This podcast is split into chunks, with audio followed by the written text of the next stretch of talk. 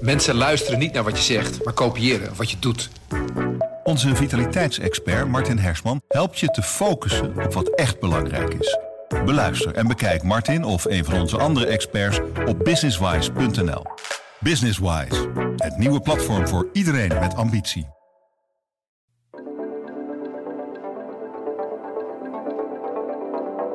Toen vertelde ze ook van het eerste wat ik doe s ochtends is mijn uh, WhatsApp uh, checken van, en vragen: leef je nog?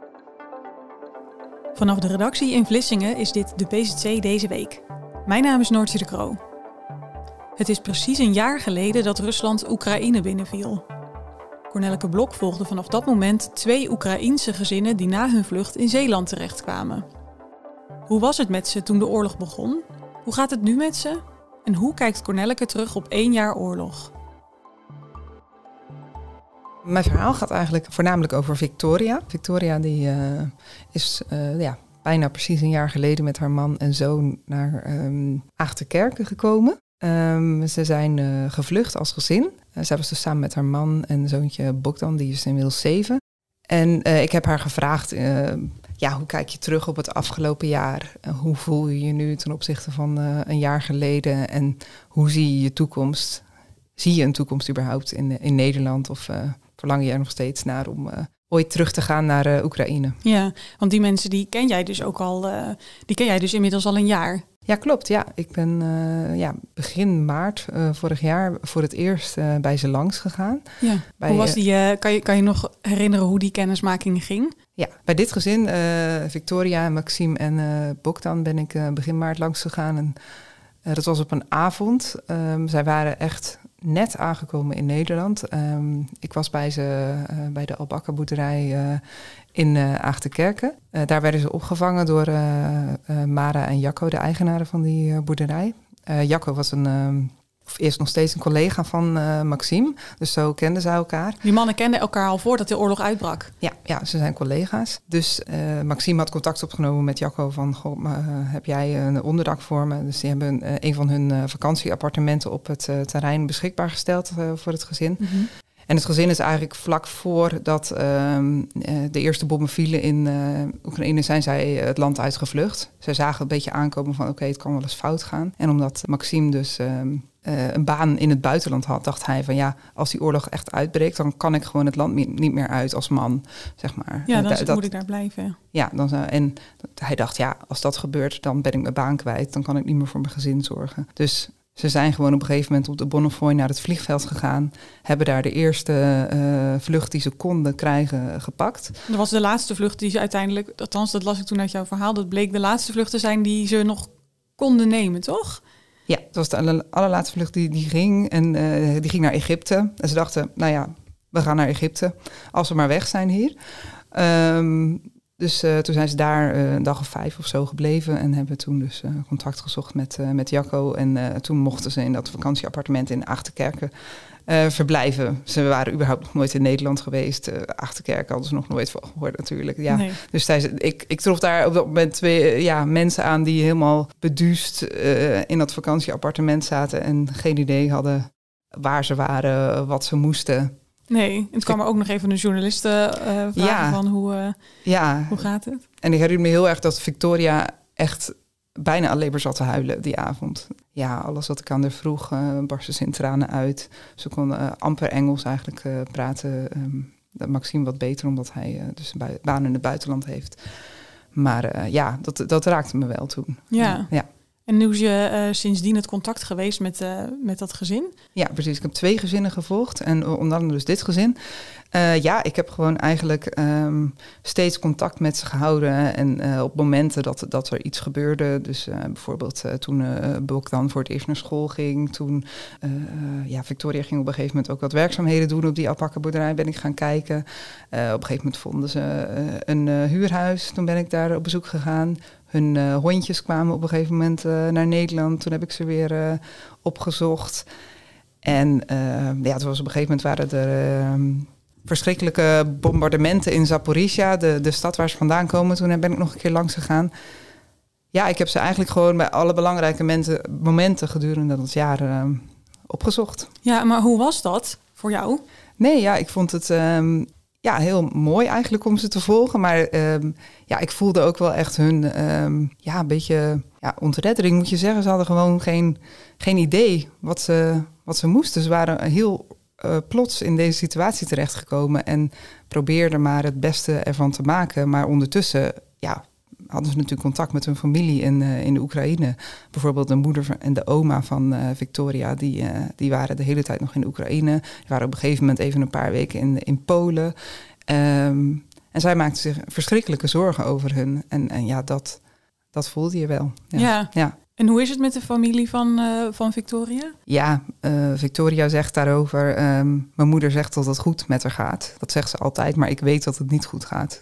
Nee. Dus ja, en dat, dat is voor haar uh, heel moeilijk. Ja. ja, want zij zitten daar gewoon nog steeds. Ja. En als je dan het nieuws volgt, van, ja, dat moet echt verschrikkelijk zijn. Ja, zij ziet het nieuws uh, dat haar uh, stad gebombardeerd wordt. Ze weet dat haar familie er zit. En ja, toen op een gegeven moment in oktober was dat volgens mij, toen haar stad enorm gebombardeerd werd, toen vertelde ze ook van: het eerste wat ik doe, s ochtends, is mijn WhatsApp checken van en vragen: leef je nog? Weet je wel? Dus de, ja. ja, ze was gewoon elke nacht bang dat ze een bericht kreeg van dat er, dat er iets met haar moeder en de oma was. En wat we daar ook nog uh, wel in raakten, was dat zij eigenlijk voor haar zoon heel erg probeert om, om um, sterk te blijven. Mm -hmm. Ze wil niet dat haar zoon ziet dat zij uh, de hele tijd verdrietig is eigenlijk. Dus uh, als je haar ook treft, dan ze, heeft, ze lacht altijd. En ja, maar uh, ze vertelt dan ondertussen dat ze dus uh, bijvoorbeeld in die periode dat haar stad uh, gebombardeerd werd, dat ze dan stiekem zat te huilen op haar slaapka slaapkamer. Ja. Je kan er gewoon echt, je kunt er geen, geen voorstelling inderdaad bij maken nee. dat je dat zo'n WhatsApp berichtje, dat dat het eerste is wat je, ja. wat ja. je inderdaad moet, moet sturen. Ja, ja. verschrikkelijk. Ja. Kan er gewoon niet bij. En hoe is het, hoe is het nu met haar? Want nu heb je er dus nu net gesproken voor, dat, voor je verhaal het zoontje gaat naar school. Uh, ze hebben een, een huis, hebben hier echt hun leven opgebouwd. Ja, ja en ze, ze zijn ook eigenlijk van plan om hier in elk geval voorlopig uh, te blijven. Ja. En dat doen ze eigenlijk vooral voor, uh, voor die zoon. Want ze, ze, ja, ze, ze willen dat hij gewoon goed onderwijs krijgt en een goede toekomst heeft. En ze zien wel gewoon van ja, in Oekraïne kan dat op dit moment gewoon niet. Er zijn daar geen scholen. En uh, het is daar gevaarlijk. Er zijn overal mijnen en, en, en, ja, bombardementen natuurlijk. Dus Mhm. mm -hmm. Nee, ze willen gewoon hier voorlopig blijven. En um, ja, Victoria zegt daarover, ja, ik voel me gelukkig hier, ik voel me comfortabel. Maar tegelijkertijd mis ik gewoon heel erg mijn familie. En, en um, ja, Oekraïne zal altijd mijn, uh, mijn thuisland blijven. Ja, dit is niet het enige gezin dat je hebt gevolgd. Hè? Je hebt nog een, uh, nog een gezin gevolgd. En daar, uh, volgens mij, je vertelde daar net over, net voordat we gingen opnemen, dat die, dat die inmiddels vertrokken zijn. En dat je ze helaas niet nog even dag hebt kunnen zeggen. En dat vond ik wel treffend. Dat je dus zo'n band met ze hebt opgebouwd, dat je, dat je dat heel graag nog even had gedaan. Ja, klopt. Ja, want ik kreeg gisteren een berichtje van ze dat ze vandaag naar Luxemburg zijn verhuisd. Ja ja, ik heb die mensen ook het hele jaar uh, gevolgd. En uh, uh, ja, ik ontmoette hen vorig jaar uh, in de bed and breakfast van Gerard en Olizia in, in Vlissingen. Mm -hmm. En nou ja, zij waren op dat moment ook helemaal beduust van wat ze overkomen was. Ja, Maria en... Juri en een zoontje Timor. Mm -hmm. Die was toen een half jaar. En um, Juri was op het moment dat de oorlog uitbrak, um, was hij op vakantie in uh, Turkije, skivakantie met vrienden. En Maria die was in uh, Mykolaiv, ja, dat is een havenstad in, in Oekraïne, met haar zoontje. En um, ja, Juri kon dus niet terug toen hij in Turkije zat. Ja, die kon niet terug naar Oekraïne. Op het moment dat de oorlog uitbrak? Ja, dus die zat daar. En, en uh, Maria, die heeft dus, uh, ja, die, die was echt een beetje wanhopig. Ook, wat moet ik nou doen? En bang natuurlijk ook. En toen hebben zij, zeg maar, gewoon op een gegeven moment besloten dat ze, dat ze toch weer weg wilde uit het land voor haar zoontje. Want het was gewoon gevaarlijk. En uh, dus toen is zij naar eentje samen met een vriendin, uh, die ook een, uh, een klein kind was, zijn ze met twee vrouwen en die kinderen in een auto gaan rijden naar de grens. Zij is drie dagen onderweg geweest. Um, Gewoon zo even wat spullen bij elkaar gepakt. Heel snel spullen bij elkaar en, en ze zijn gegaan. gegaan. En uh, ja, dat was uh, heel erg beangstigend. Dus, uh, ja, ze was best wel bang dat er iets zou overkomen. Ze hadden zelfs papieren op het raam eh, geplakt van er zijn kinderen aan boord, van doe ons niks. Ja. En ehm, nou ja, zij, zij hebben ze uiteindelijk wel de Poolse grens bereikt. Ondertussen heeft ze de hele tijd contact gehouden via eh, Google um, Locator, zeg maar waar ze was. Ja. Dus Juri kon haar volgen, maar die was natuurlijk ook heel erg bang. En Juri is ondertussen dus het vliegtuig naar Hamburg gegaan. Heeft hij daar een trein gepakt en is hij ook naar Polen gegaan. En hebben ze elkaar dus ehm, ergens bij Warschau in de buurt weer ontmoet. En toen zijn ze naar, ehm, naar Nederland gereden als gezin. En toen zijn ze in Vlissingen terechtgekomen bij, uh, bij die bed and breakfast, die gerund wordt door een vriendin van de moeder van Maria. Dat was de link. Zo kwamen ze in Vlissingen terecht. Maar ook zij nooit in Zeeland geweest, nooit in Nederland geweest. Dus ze hadden ook geen idee waar ze terechtgekomen waren. Indrukwekkend verhaal ook. Ja. En die heb je dus ook toen voor het eerst gesproken. En hoe uh, gaat het nu met die mensen vergeleken met hoe het toen met ze was? Nou ja, zij hadden gewoon uh, anders dan het andere gezin, de hele tijd uh, de hoop, we gaan terug, we gaan terug. Ze hadden in eerste instantie het idee, nou, we zijn hier voor een paar weken. Toen werd het een paar maanden. En gedurende het hele jaar hadden zij eigenlijk de hoop van, nou ja, we gaan weer terug binnenkort. Maar ja, langzaam uh, werd die hoop wel gewoon een beetje minder. Van ja, die oorlog die is voorlopig nog niet voorbij. We moeten iets gaan bedenken wat we gaan doen. En uiteindelijk hebben ze dan dus uh, ja, een plan gemaakt van ja, ik ga gewoon een andere baan zoeken, had uh, Jury als plan. Hij had inmiddels wel een baan gevonden in, in Goes, bij een, bij een bouwbedrijf. Maar dat was eigenlijk niet zijn ja, expertise, zeg maar. Hij, hij is onderzoeker bij een universiteit in Oekraïne. En hij wilde eigenlijk heel graag ja, iets nuttigs doen, zeg maar zijn... ja, gewoon in zijn eigen onderzoeksgebied. Ja, verder gaan.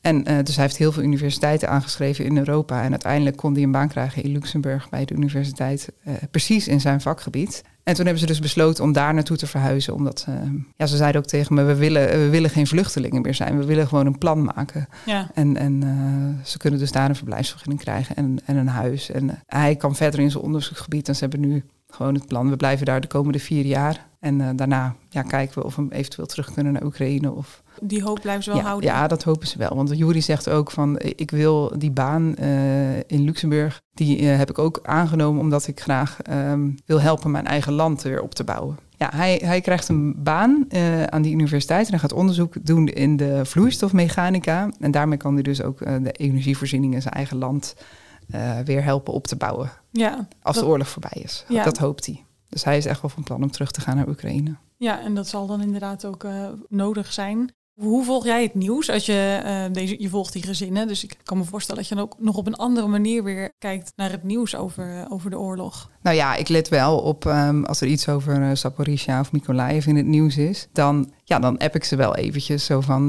bijvoorbeeld toen die bombardementen in, in Zaporizhia was. Toen heb ik contact gezocht met Victoria. Ik hoorde op een gegeven moment dat um, de universiteit in uh, Mykolaiv uh, plat gebombardeerd was. Toen heb ik Jury ook geappt van, goh, is dat uh, het gebouw waar jij uh, werkte? En toen appte hij me ook terug, ja, het is ongelooflijk, daar werkte ik en dat is nu gewoon helemaal weg. En ja, dus op die manier volg ik wel het nieuws, ja. Ja. ja, dat komt dan wel op een andere manier binnen, lijkt me. Ja, ja, klopt. Ja. Maar zij hebben kleine kinderen, jij hebt kleine kinderen, dat komt ook best overeen. We hebben vorig jaar hebben we ook een podcast gemaakt over dit. En toen was de oorlog net, net uitgebroken en toen hadden we het er ook over. Zo van dat je niet kan voorstellen dat, dat wij met onze kleine kinderen zeg maar, op pad zouden moeten.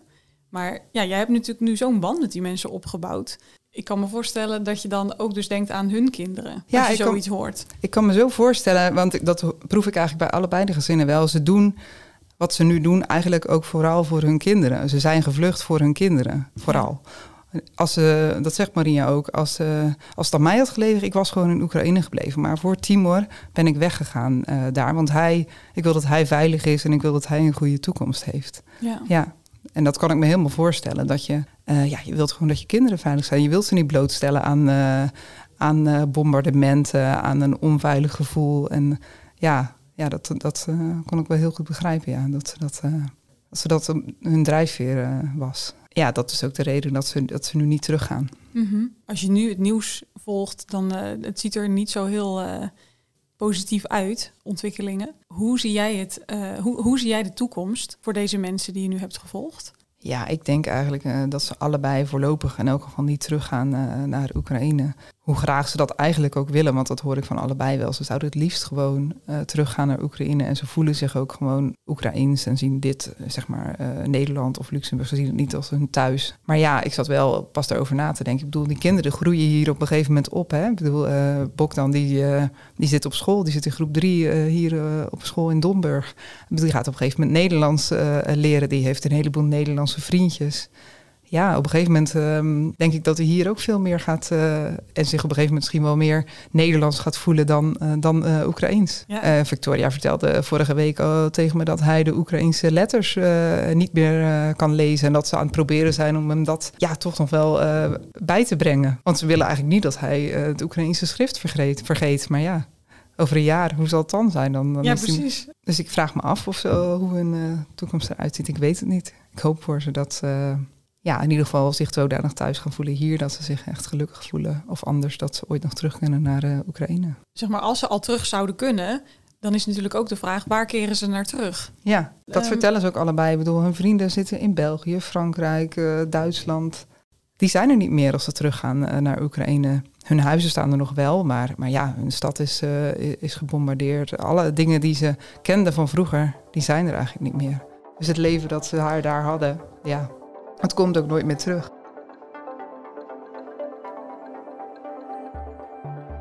Dit was de PZC deze week. Je hoorde Cornelke Blok en ik ben Noortje de Kroo. Vond je deze podcast interessant? Abonneer je dan, zodat je geen aflevering meer mist. Volgende week zijn we er weer. Tot dan!